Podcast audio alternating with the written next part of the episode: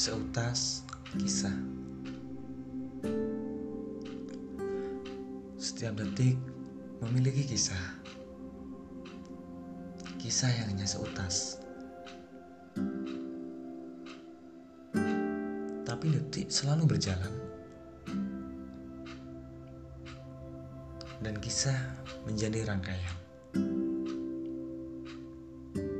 Detik terangkai menjadi menit Menit terangkai menjadi jam. Jam terangkai menjadi hari. Hari terangkai menjadi bulan. Bulan terangkai menjadi tahun. Seterusnya, seterusnya dan seterusnya.